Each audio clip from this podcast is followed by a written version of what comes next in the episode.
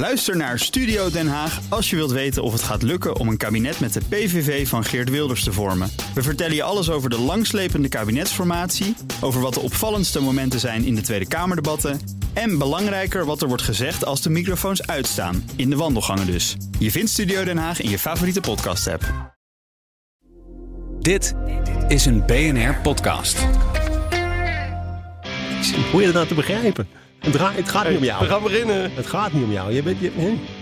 je bent gewoon een pion in dit spel. Robert en Kees maken zich op voor aflevering 20 alweer. Dit is van alle markten thuis. In deze podcast delen oud-collega's, macro-econoom Kees de Kort en oprichter en directeur van investeringsmaatschappij Antea, Robert de Boek, hun inzicht in alle economische aangelegenheden. Met deze week controle en toezicht trekt een grauwe sluier over de economie. Kees doet een oproep aan Klaas Knot, want hij wil meer risico.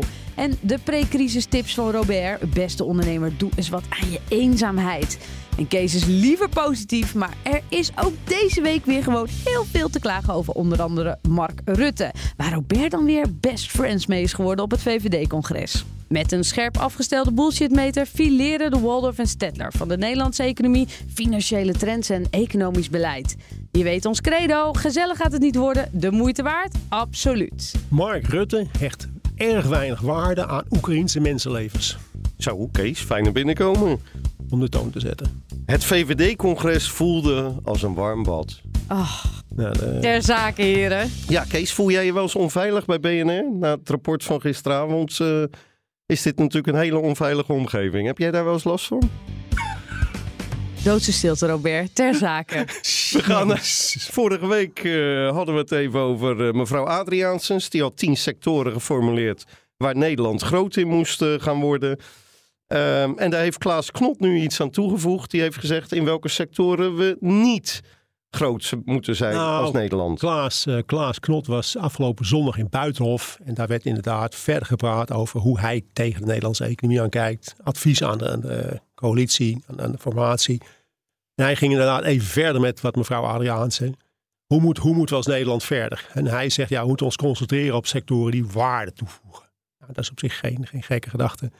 En toen noemde hij een aantal sectoren waarvan hij, dacht, waarvan hij zei, van, ja, dat kan wel, dat doen we wel. Daar zijn we ook niet slecht in, maar moeten we daarin, blij- moeten we daarin blijven doorgaan? En dan had hij het over land- en tuinbouw, eh, tuinbouw, distributie en de vleeswerkende industrie.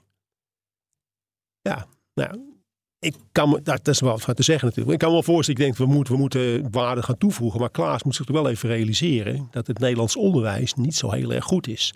Eh, 30% van de Nederlandse jongens en meisjes rond de 15 heeft moeite met lezen.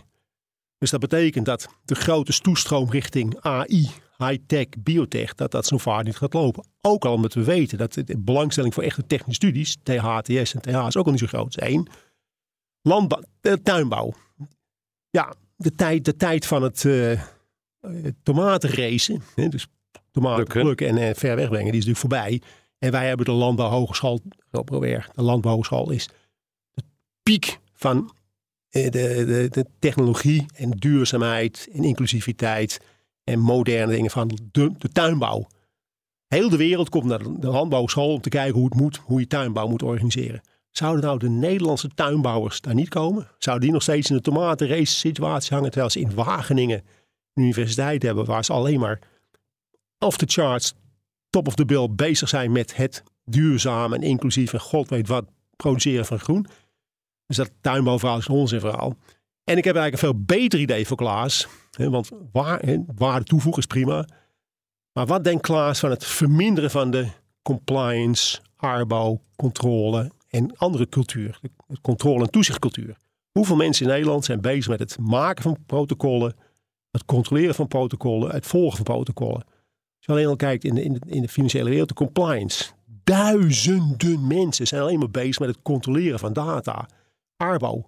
Er mag, ni- dus het hele idee in Nederland, het moet veilig zijn, veilig, er mag niks misgaan. Nou, dat, dat is in principe een prima doelstelling, maar dat is natuurlijk doorgeschoten. Het veiligheidsdenken en het mag niet misgaan en het moet jou aanspreken, het, laten we zeggen, het vermijden van het nemen van risico. De ondernemers wordt steeds moeilijk gemaakt om risico te nemen. Dat, dat wordt alsmaar verder onderdrukt. Dat heeft natuurlijk, hè, dat heeft natuurlijk een ontzettend, denk ik, een hele ne- negatieve impact op de groei van Nederland en op de productiviteit van Nederland. Dus als we nou zouden zeggen, We gaan minder controleren, niet niks, maar minder controleren. Minder arbouw, minder toezicht en wat meer risico toestaan en wat meer toestaan dat het misschien wel misgaat. Dan denk ik dat al die mensen die dan vrijkomen, hoogopgeleide mensen, goed betaalde mensen die dan andere dingen gaan doen, dat we daar de Nederlandse economie een veel groter plezier mee doen. Ja. Dus ik zou zeggen, iets minder veiligheid, iets minder, iets, min, iets minder aandacht voor risico vermijden. Ja. En iets meer voor ondernemen, dingen proberen, dingen gaan doen. En al die mensen, die kunnen, die kunnen nou wel, hè, dat zijn hoogopgeleide mensen, goed betaalde mensen, die kunnen dan bijdragen aan het toevoegen van welvaart in plaats van het controleren van welvaart. Maar die mensen die dan beschikbaar komen, Kees, wil jij die in die sectoren, die, die high-tech sectoren van Mickey Adriaansens, of wil je die in dit distributiecentra en vleesverwerkende industrie? Nee, want, nee, nee, want Klaas zal die ook genoemd hebben. Distributiecentra is natuurlijk vaak laaggeschoold werk. Ja, ja. Hebben we arbeidsmigranten van buiten Nederland voor nodig. Vleesverwerkende industrie is natuurlijk vanwege het feit dat dat een grote vervuilende industrie is. Stikstof, Nou ja, maar je, maar je noem moet je realiseren, Robert. Nederland bestaat niet alleen maar uit intellectuele en hoogopgeleide mensen. Er is een vrij grote groep mensen. Die zijn niet zo heel erg slim. Die willen gewoon met de handjes werken. En die vind- doen die controles, die niet zo slimme nee, mensen. Die, die, sta- die zitten dus in, in die distributie en die vleeswerkende industrie. Ja, dat is misschien niet, dat is misschien niet het beste wat we willen. Maar willen we dan alleen maar werk hebben voor hoogopgeleide mensen die heel veel kunnen? Er zijn ook heel, er zijn echt miljoenen mensen die dat niet kunnen. En dit ook niet willen. En, en wat is er mis om met je handen te werken, om vies te worden en gewoon simpel werk te doen? Alleen dat, dat we meer aandacht krijgen voor hè, de, de pla- waar, waar jij het vorige week over had, naar aanleiding van mevrouw Adriaanse met high-tech, biotech. Maar dan moet, dat moet je ook wel kunnen. Ja. Je, moet, ook- je, moet ook gaan, je moet ook gaan studeren, je moet, TH je moet naar de TH, je moet naar de ATS. Dat doen nog niet zoveel mensen. Ja. Dus wat, wat van hoog, dat hoogopgeleide mensen, dat daar wat verschuiving in plaatsvindt van controle, toezicht en god weet wat naar high-tech en, en, en, en robotics en eh, computers, eh, cybersecurity en god weet wat. Dat, is, dat voegt waarde toe. Maar Ja. die, die controle en, en controle en toezichtcultuur, dat legt echt, dat drukt de economische Ja. groei. Nou ja, Daar ben ik heel van we overtuigd. Weet je wel. Dat, dat, legt een, dat legt een grauw sluier over die economie. Want het, het ondermijnt, het risico mag niet meer, dat, dat, dat helemaal terug, het mag niet meer fout gaan. Dat, dat, is, weet je wel, dat trekt die hele economie omlaag. Dat is, ik, dan moet jij het als ondernemer wel, wel begrijpen. Zeker, en we hebben het En hier in de, in de podcast al vaker over gehad, dat die hele compliance regelgeving als eh, witwasvermijding en terrorisme, financiering, dat dat nooit geëvalueerd wordt. Dat, dat betekent een enorme ballast voor ondernemers. Ja. Ga maar eens een rekening proberen te openen bij een bank. Eh, en er vindt nooit een evaluatie plaats. Hoeveel effect heeft dat dan? Als je dat Ja. zou loslaten, hoeveel eh, terrorisme, Ja. financiering of witwassen vindt er dan plaats? Misschien een heel klein percentage waarbij je af moet vragen, weegt dat op? Ik heb gehoord bij de grootbanken, is geloof ik inmiddels een kwart van de mensen nee, zit of een derde zit op compliance. Maar dat bedoel ik, weet je wel. Kijk, dat is natuurlijk allemaal met de beste bedoelingen geïntroduceerd. Je moet, ook wel, je moet, ook niet, je moet niet iedereen maar zijn vrije gang laten gaan. Er is een zekere mate van controle en toezicht is goed, maar het is ontspoord. Nee, hoeveel mensen beginnen nog een bedrijf? Je moet bij wijze van spreken, hoeveel vergunningen moet je hebben? Wil je iets kleins kunnen beginnen? Gewoon vergunningen. Nou, altijd moet geschreven worden, moet gecontroleerd worden.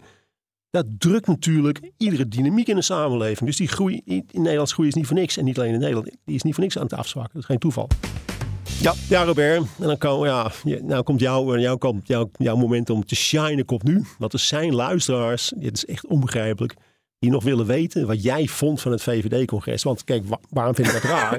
De uitkomsten zijn lang bekend. Het is oeverloos bekeken, besproken en gedaan. En nou willen mensen ook nog horen wat jij ervan vond. Nou, omdat het moet. Voor de luisteraars. Nou, in onze, nieuwe, in onze nieuwe categorie, eh, Kees, de vraag van de, de, vraag van de week. Van Dus eh, luisteraars kunnen vragen Ja, eh, ja, indienen. ja, wij, wij luisteren naar onze luisteraars, net zo goed als. Dylan, Dylan Jezekus dat doet. Ja, Kom op, ter Wat, wat vond ik van het congres? Nou ja, het was een uitermate boeiende dag. Ik ging er natuurlijk heen om hier verslag ervan te doen. En dan ga je niet op je vrije zaterdag eh, naar eh, Noordwijkerhout. Nou, viel me al op op de parkeerplaats toen ik aankwam. Ja, kijkend naar de, de grote hoeveelheid eh, brede en hoge Mercedes, Audi's en BMW's. Dacht ik... Gaan we- het- hoe lang gaat dit duren? Jezus, jongen. Komt Nee. ter zake, man. ja, ja, ik dacht het element, laat me nou even Kees. Je komt Eh, het het element eh, bestaanszekerheid. Ja, ik dacht niet eh, op de parkeerplaats te zien dat dat heel veel aandacht had binnen de VVD-achterban. Ja, bij binnenkomst ja, viel me gelijk een grote hoeveelheid parelkettingen, rode broeken en chokers op. Dus Wassenaar en Laren waren goed vertegenwoordigd. Ja, en het voelde als een, als een warm bad. Het was als thuiskomen en één grote familie, heel veel bekenden. Ik werd welkom geheten als nieuw lid. Ze waren blijkbaar zo blij. Ik had misschien zelfs wel de indruk dat ik het enige nieuwe lid was. Viel me een beetje tegen dat ik niet op het podium werd gevraagd. Maar goed, eh, het was bom en bom vol. De zaal was afgeladen. Dus ik eh, ging al heel vroeg die zaal in om op rij 2 te zitten. Dus ik zat dicht bij Dylan. En na wat eh, deelsessies in kleinere zalen in de ochtend, waar ik kon kennismaken met vijf nieuwe Kamerleden. Ook altijd goed voor Antea. Twee nieuwe Kamerleden houden zich bezig met MKB en fiscale zaken. Nou, die heb ik uitgenodigd voor een kopje koffie tijdens een van hun werkbezoeken. Ehm, dus dat is, eh, dat is altijd goed om te sparren over MKB en het vestigingsklimaat, waar ik me wel wat zorgen over maak, zoals bekend in deze podcast. Nou, na de heerlijke lunch was het dan tijd voor vuurwerk in de grote zaal.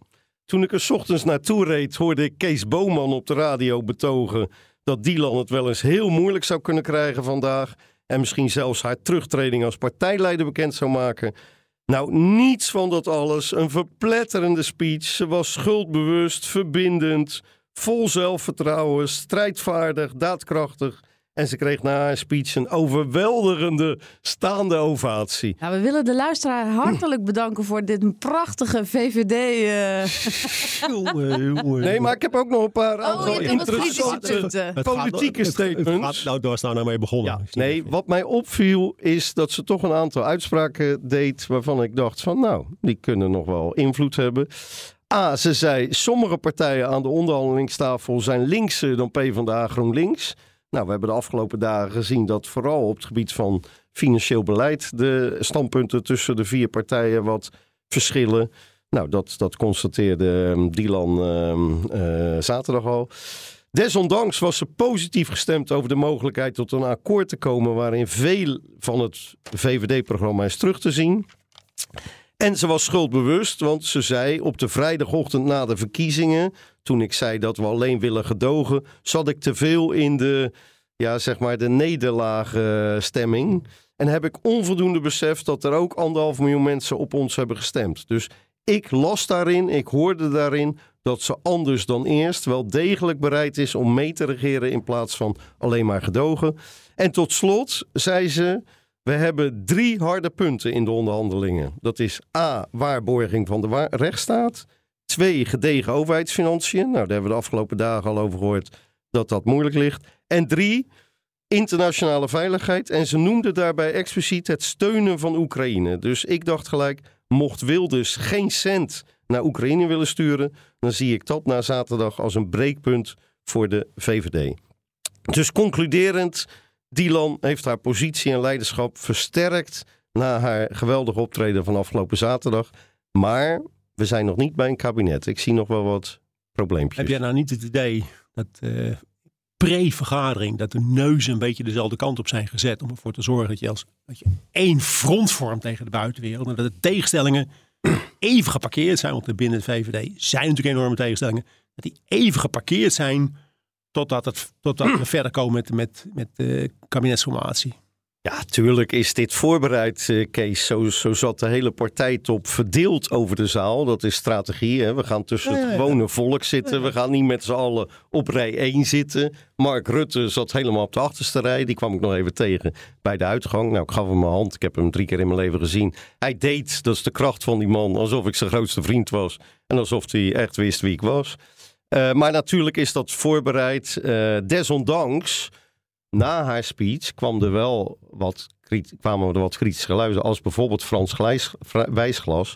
Waarvan we weten dat hij tegen iedere vorm van samenwerking met de PVV is. Dus ja, die eh, mensen heb je ook binnen de VVD. En als het tot een akkoord komt, ja, dan komt er nog wel een keer een partijcongres waar ja, echt besloten zal moeten gaan worden.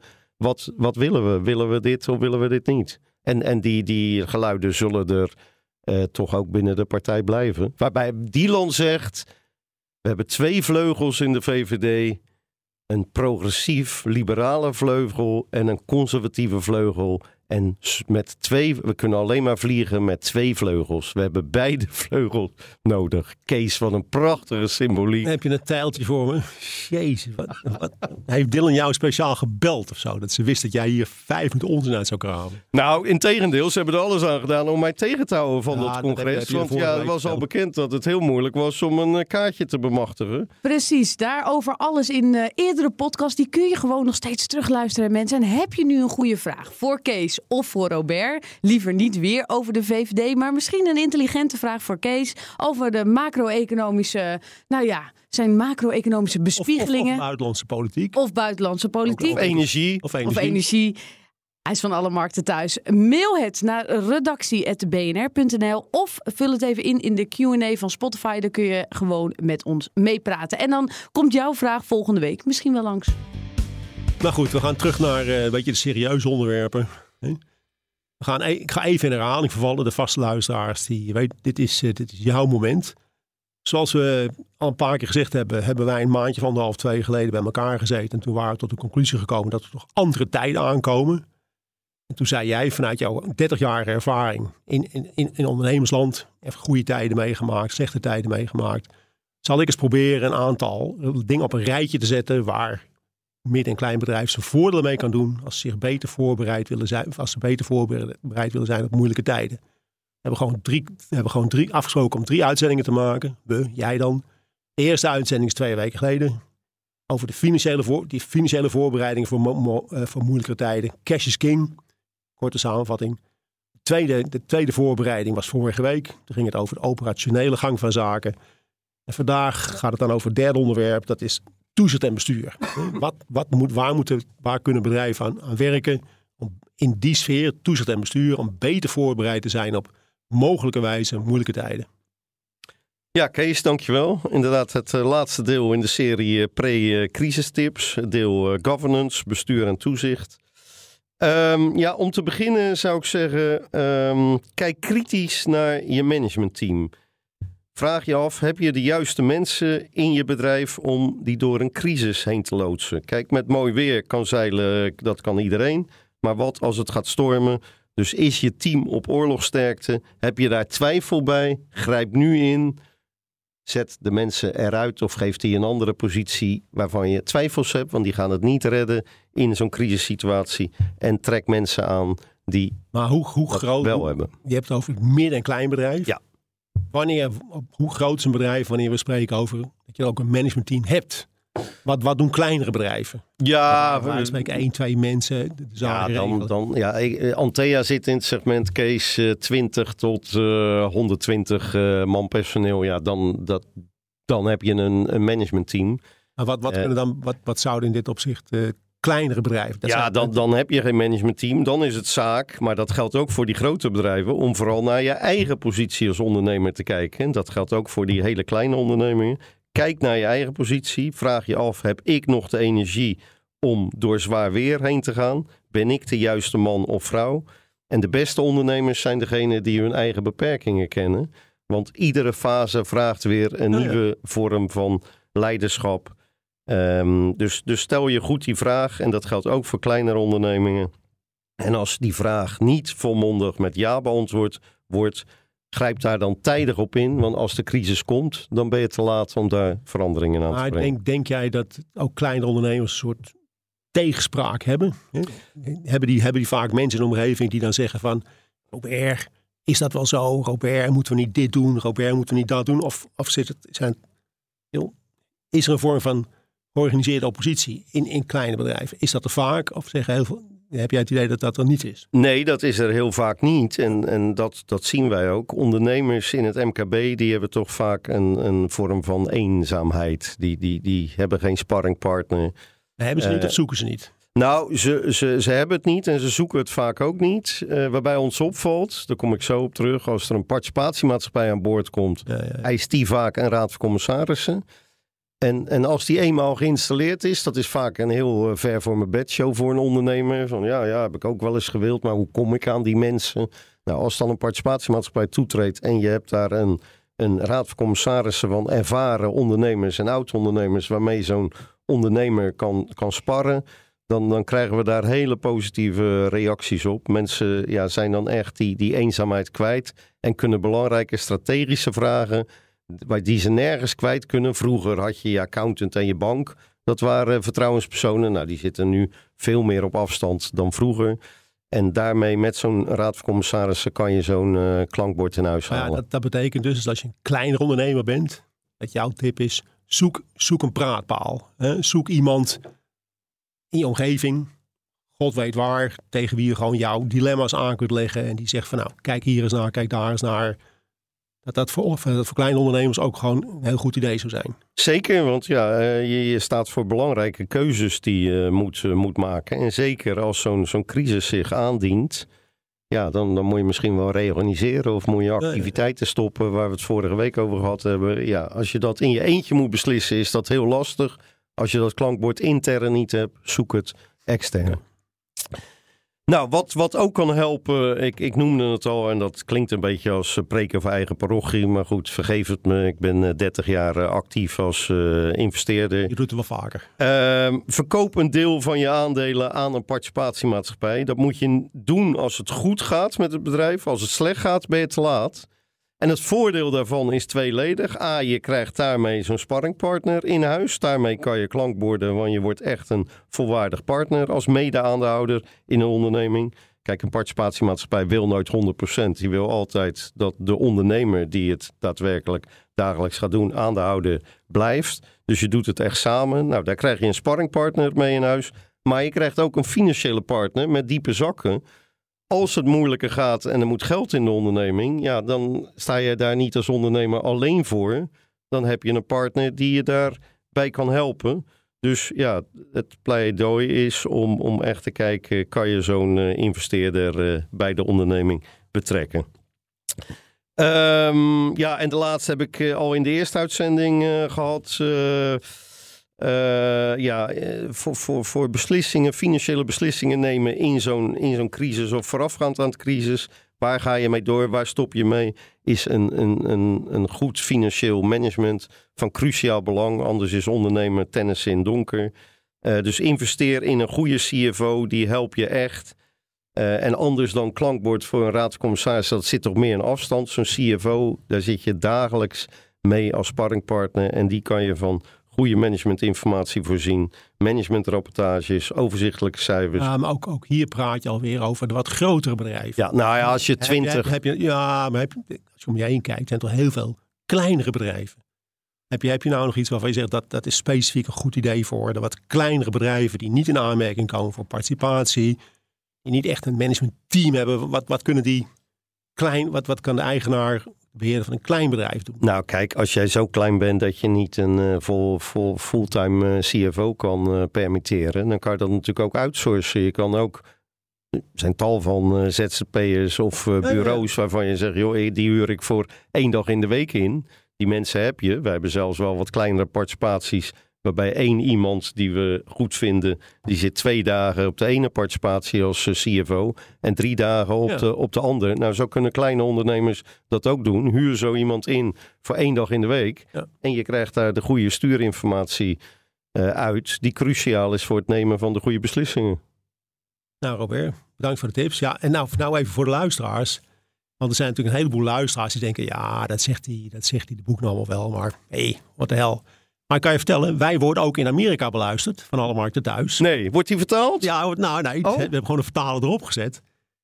Want ja, de, ik weet niet of je dat bedrijf kent. Het is een- middelgrote bank in de VS, de New York Community Bank. En die heeft goed geluisterd naar jouw eh, tips over cash is king. Want dat is, dat, dat is, een, groot, dat is een middelgrote bank.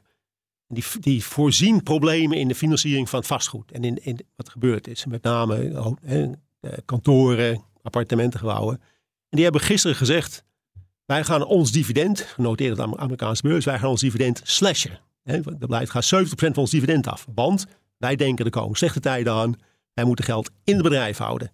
En die, die, dat, dat bericht is in New York echt als een bom ingeslagen. Dat was mijn tip van vorige week, Ja, dat, Kees. dat zeg ik. Daarom geef een complimentplan. Zelfs in Amerika wordt naar je geluisterd. En dat, ik kan je wel vertellen, Goed, man. op de Amerikaanse beurs is dit nieuws aardig ingevallen. Want dit was eigenlijk de eerste, dit was eigenlijk de eerste grotere speler in de vastgoedmarkt. De financiering van de vastgoedmarkt. Die heeft gewoon gezegd van, We doen het gewoon. Iedereen weet wel dat het allemaal niet meer klopt. Dat er een hoop leegstand is en dat kantoren bouwen. God weet wat. Maar deze New York Community Bank heeft gezegd, we doen het gewoon.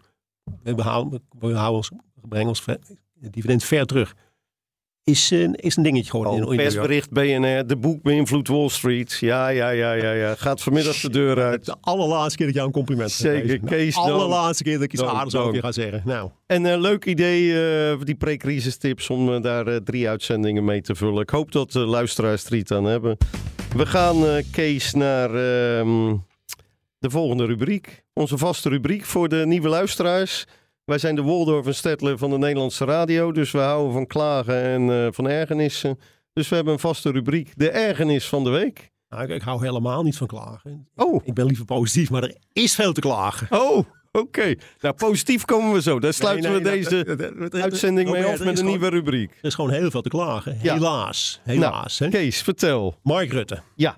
Nou, die heeft uh, eerder deze week samen met een paar andere regeringsleiders, Scholz en uh, nog, een paar van die Estland Litouwen dames en heren, heeft een, heeft hij een brief geschreven, een open brief gestuurd aan de Financial Times.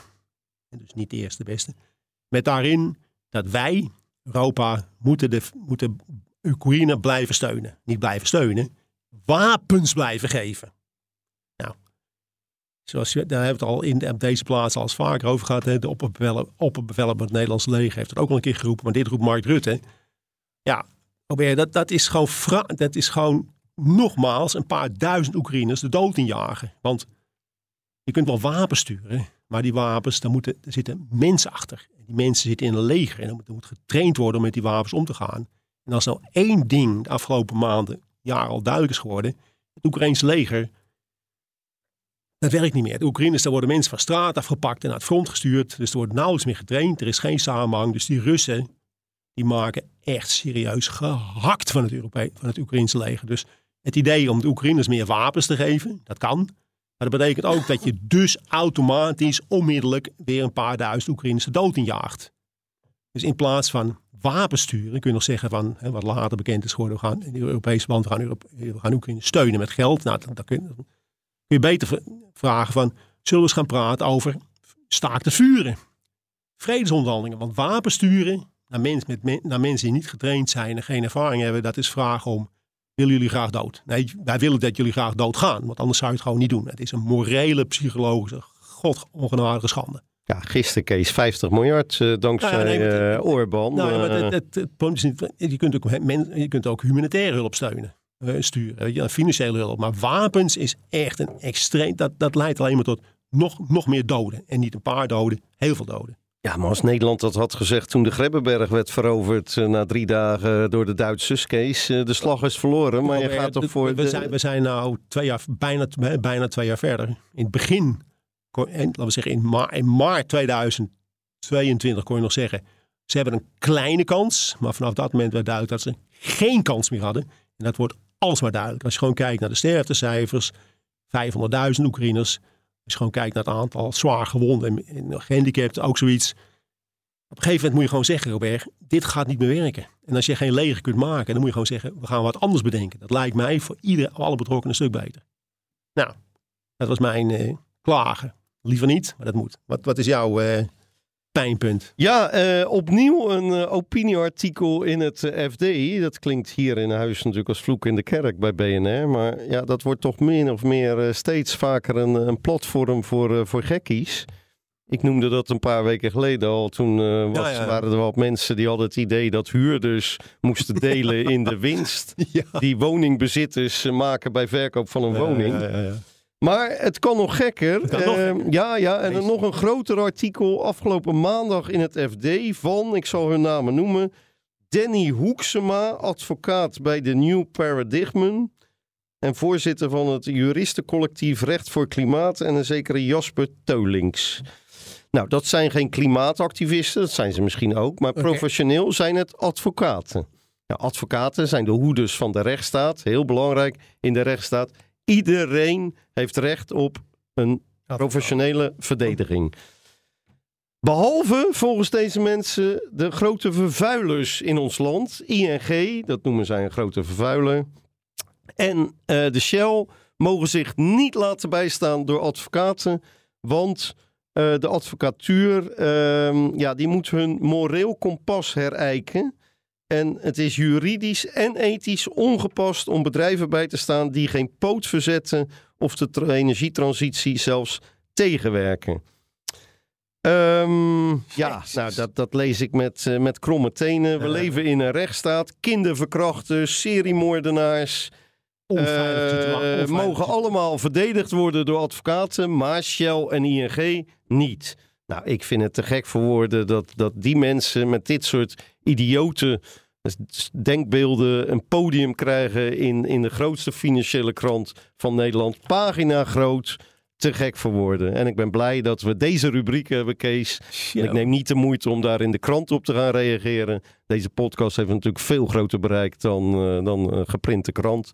Dus eh, ik ben heel blij dat we daar even op kunnen reageren. Maar ja, wat nou eigenlijk wel fascinerend is, Robert. Deze mensen besteden buitengewoon veel tijd aan hun actie voeren. Als nou spreken 10% van die tijd is besteden om uit te zoeken hoe het zit met het klimaat. Gewoon googelen, een beetje toeken. 10% van je tijd die je nou besteedt om iedereen lastig te vallen met onzinverhalen. En die ga je besteden om uit te zoeken wat is er aan de hand met het, met het klimaat in de wereld. Dan kan ik je vertellen, als je daar 10% van je tijd aan besteedt, dan kom je al vrij snel tot de conclusie dat je je beter over andere dingen kan druk kan maken. Nou, daar gaan we het ongetwijfeld nog andere keer over hebben. Kees, we gaan naar eh, onderwerp 3. Hoe staan we er eh, economisch voor? Want ik begreep dat eh, het World Economic Forum, eh, IMF, eh, nieuwe cijfers heeft... Dat, eh, dat zijn twee. Oh, de IMF en World nee, Economic Forum. IMF. het IMF heeft nieuwe cijfers naar buiten gebracht. Die, die, Nieuw die- rapport. Die, hebben dus, die hebben dus modellen over de wereldeconomie. Ja. En één keer in een paar maanden geven ze een soort update van hoe staan we ervoor? Wat kunnen we verwachten? Wat zijn de kansen? Wat zijn de risico's? Een paar maanden geleden ook gedaan. Dit keer weer World Economic Outlook. Ja, ze, ze worden voorzichtig wat positiever. Of iets minder negatief, hoe je het wil zien. De, de, wereld, de, verwachtingen worden ietsje naar boven bijgesteld. En dat komt met name omdat in de VS, de grootste economie ter wereld, gaat het echt wel beter dan gedacht. Tot nu toe. Dat komt, en, nou, dat, en ook de inflatie neemt wereldwijd wat af. Ook wel een positief puntje. Dus zij, hè, dat de IMF denkt van op basis van hun modellen. Nou, we kunnen iets rustiger slapen. Het, eh, in dat soort, eh, dat zijn bobo's. Hè? Bobo's, beroepsoptimisten. Dus je moet altijd kijken waar hebben ze het niet over. Want dat zijn natuurlijk dingen die belangrijk zijn. Waar ze het bijvoorbeeld niet over hebben. de Amerikaanse economie is, groeit hard. Maar dat komt alleen maar omdat er een enorm gigantisch begrotingstekort is. En De regering Biden heeft gewoon 1500 miljard dollar in die Amerikaanse economie gepompt afgelopen jaar. Ja, dat heeft natuurlijk wel positieve effecten. En dus schulden, dat is een belangrijk ding. Nou, waar, ze het terzijde over hebben, dat is dan eh, de geopolitieke spanningen. Nou, dat kan allemaal nog met een sisser aflopen. We hebben al vaker gehad over wat, er daar in het eh, Midden-Oosten gebeurt. Dat kan met een sisser aflopen, het kan ook tegenvallen. Dus dat is ook een, waar, een pijnpuntje. Ja, de financiële wereld, nou, hè, waar we het net over hadden. Die, in Amerika beginnen ze een beetje te accepteren dat er in die financiële wereld rare dingen zijn gebeurd. Nou, kan ook met een sisser aflopen, maar moet ook nog maar afgewacht worden. Een pijn.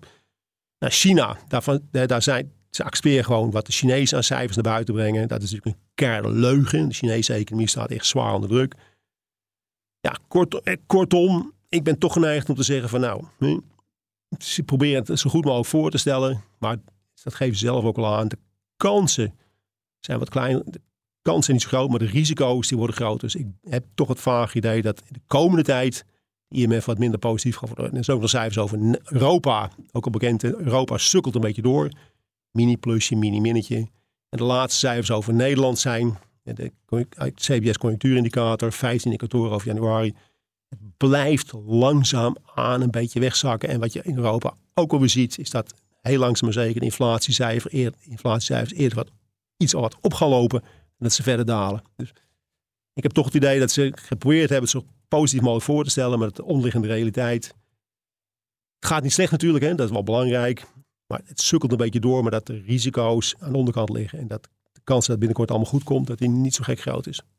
Desalniettemin, Kees, gaan we vandaag misschien het eh AEX-record eh, breken. All-time high. Ja, ja die, die beurzen, dat is wel een fascinerend iets. Kijk, het- het- de beurzen waren ooit, er was een soort relatie met de economie en de, en de financiële markten. Ja, als dat goed ging met de economie, liepen de financiële markten wat op vooruit, ging het beter. En er was wel een verband tussen. Ik heb toch het idee dat financiële wereld en de economie losgeslagen zijn van elkaar. De, de, de, de financiële wereld is. Ja, de, economie heeft de afgelopen tien jaar is een beetje doorgesukkeld. Hè, een beetje beter, een beetje slechter. Maar de financiële wereld is geëxplodeerd. Die is extreem veel groter geworden. Dus de band tussen die twee dat, is verdwenen. En wat zie je nou gebeuren? Die financiële wereld die focust zich voor 100% op. Gaat er een renteverlaging komen? als er renteverlaging gaat komen, de gedachte er alleen aan maakt dat de koers omhoog gaat. Dat, dat is gewoon de enige criterium wat, wat van toepassing is. Niet de economie, komt er een renteverlaging. Nou, het gaat in de VS wat beter. Dus is de gedachte weer, maar misschien gaat de vet de rente wel iets verlagen. Alleen dat al zorgt voor optimisme.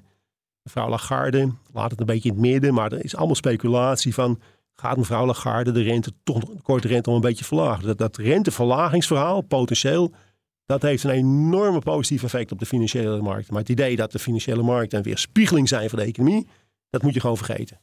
Als je gewoon kijkt naar die economische ontwikkelingen, nou, die zijn echt niet zo geweldig. De risico's zijn groot. Daar horen niet de koers van nu bij. Maar als je jezelf weet overtuigen van korte rente is criterium. En als de korte rente omlaag gaat, is het goed voor de financiële markten. Dan krijg je dit soort koersbewegingen. Dus als de rente omlaag gaat, dan gaat de koers uh, gaan nog verder omhoog. Ja, ja, ja dat is 100. Ja, er wordt alleen maar gesproken. Hè, de financiële markten die leven op dit. Hè, dat is een, de beweging geworden, de trend.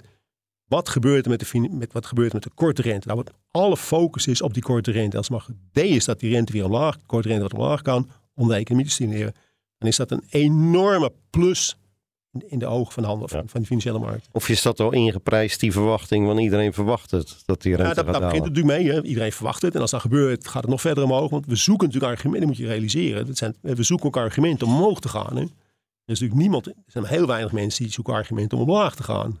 Iedereen zoekt argumenten. Kunnen we iets bedenken waarmee we positiever kunnen worden, waarmee we geld kunnen verdienen? Want hoge koersen betekent gewoon geld verdienen. Dus hè, de, de, bereidheid om iets te geloven wat ho tot hogere koers leidt, is extreem hoog. En de bereidheid om iets te geloven wat leidt tot lage koersen is extreem laag. Maar er zijn toch ook mensen die bij la lagere koersen geld kunnen verdienen? Dat, dat zijn lijkenpikkers. en nou, dat zijn nare mensen. Ja, die zijn er wel, maar het, gaat erom.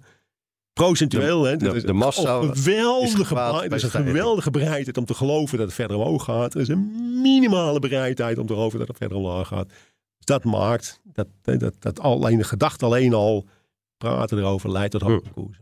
Wel even een disclaimer, hè, Kees. Eh, we geven geen eh, beleggingsgaranties uh, voordat BNR allerlei claims gaat krijgen van ontevreden beleggers die nu zijn ingestapt omdat ze denken.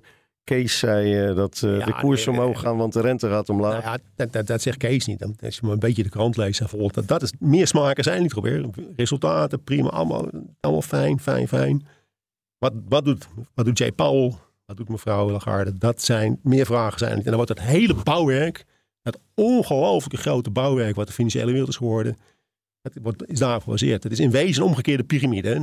Het hele bouwwerk staat op een, op een minimaal puntje en waait uit. Ja. en dus dat, dat, dat, dat is op dit moment de stand van zaken. Uh, we hebben besloten dat we toch met iets positiefs. Nee, dat heb jij altijd, besloten. Dat heb jij eh, besloten. we willen toch iets positiefs mensen meegeven om het weekend in te gaan. Moet, dus ik, moet, moet ik alvast naar de wc? Nee, nee. We aan gaan leveren? Het lichtpuntje van Robert heet, oh, die, uh, heet die rubriek. Mag ik ook nog wat zeggen na afloop? Uh, ja, jij mag ook wat zeggen na afloop. Uh, je mag het ook inleiden als je wil. Nee, nee? nee, nee? daar begin ik niet aan. Nou, ik las wel iets positiefs. Dat na felle kritiek de Hogeschool Utrecht de Holocaustlezingen toch niet schrapt. Nou, dat is, dat is mooi, want we moeten nooit uh, wijken. Dat zei Dylan ook in het, uh, op het congres. We moeten nooit wijken voor bedreigingen. Inmiddels wordt ze zelf ook beveiligd. maar niet wijken voor bedreigingen, want dat was de reden om die Holocaust-lezingen niet door te laten gaan. Hoogst ongelukkig, dat werd bekendgemaakt een dag voor Holocaust Memorial Day. 27 januari is Auschwitz bevrijd door ehm, de Russen. Uh, en dat is uh, Memorial Day. In Nederland was dat afgelopen zondag, de Auschwitz-herdenking. Nou, zaterdag maakte Hogeschool Utrecht bekend de lezingenreeks te schrappen na protesten van actiegroep New Neighbors. Want die had beklaagd dat de hogeschool bij de organisatie van de lezingen samenwerkte met het CIDI, Centraal Centrum Informatie en Documentatie Israël. En New Neighbors vindt dat het Sidi de oorlogsmisdaden van Israël in Gaza verdedigt. En daarom moest de hogeschool maar die holocaustlezingen afstraffen. En dat- Wat niks met Israël te en, maken. dat, en dat deden ze ook. Dat deden ze. En zondag kwamen ze met de verklaring. Ja, dat deden ze omdat de veiligheid van sprekers, van studenten in het geding was. Maar ze gaven wel aan, wel op een ander tijdstip gaan we er toch mee door. Ehm, want, en dat benadrukt het CIDI ook, die lezingen, die collegereeks heeft niets met Israël te maken. Gaat over de holocaust in de Tweede Wereldoorlog. Dus nou, ik vond het positief dat ze toch op hun schreden zijn eh, teruggekeerd. Dus en, je, eh, je, je, doet iets ex- je, laat zien dat je een ruggengraat van water hebt. van de mossel. Nee, die heeft nog een schelp. schelp heb je een ruggengraat van water. En dan blijkt je toch, en dan blijkt je achteraf, blijkt je dan toch nog een beetje ruggengraat. Dat vind je goed nieuws. Nou, Dat iemand gewoon een enorme stommiteit begaat. En dan zegt, ja, dat was wel een beetje dom. Dat vind jij goed nieuws. ja, maar dat, dat, ligt, is, dan, dan ligt de lat wel laag. dat is leiderschap, Dan Kees. Dat nee, je, leiderschap dat je- open staat voor kritiek en niet nee, dat- vasthoudt altijd aan je mening, maar, Nee, maar dit- luistert dit- naar de dit meningen is van gewoon- mensen. Het is een uitzinnige stommiteit.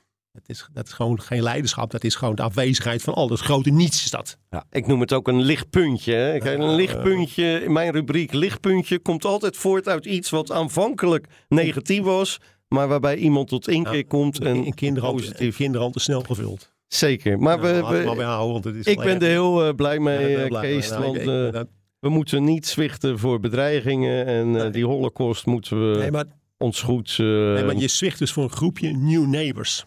Ik heb geen idee wie, dat het, eh, wie dat- het zijn. Ja, precies. Kijk, als nou zwicht voor Poetin, die zegt we komen binnen als je het doet. Dan heb je een goede reden om te zwichten. Maar gewoon de New dat zijn twee puistenkopjes die een brief hebben gestuurd. Ja, je Als.